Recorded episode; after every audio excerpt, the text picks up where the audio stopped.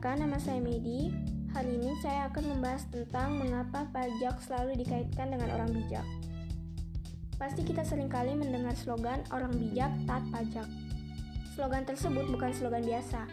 Indonesia sebagai negara berkembang masih membutuhkan banyak dana untuk pembangunan negara. Di mana pajak adalah salah satu sumber dana yang digunakan Indonesia untuk pembangunan. Nah, pertanyaannya, mengapa pajak dikaitkan dengan orang bijak? Pertama, kita harus mengetahui apa itu orang bijak. Orang bijak adalah orang yang selalu menggunakan akal budinya, pandai dan mahir.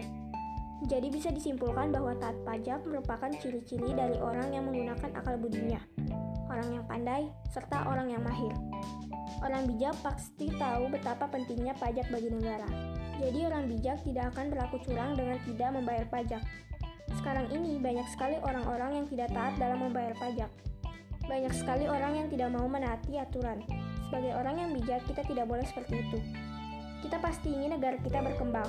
Nah, jika ingin negara kita berkembang, kita harus bijak dalam melakukan segala hal. Contohnya, taat membayar pajak. Nah, dapat disimpulkan, orang bijak dan pajak saling berhubungan. Jadi, kita tidak perlu heran lagi kenapa orang bijak selalu dikaitkan dengan pajak. Sekian dari saya, terima kasih.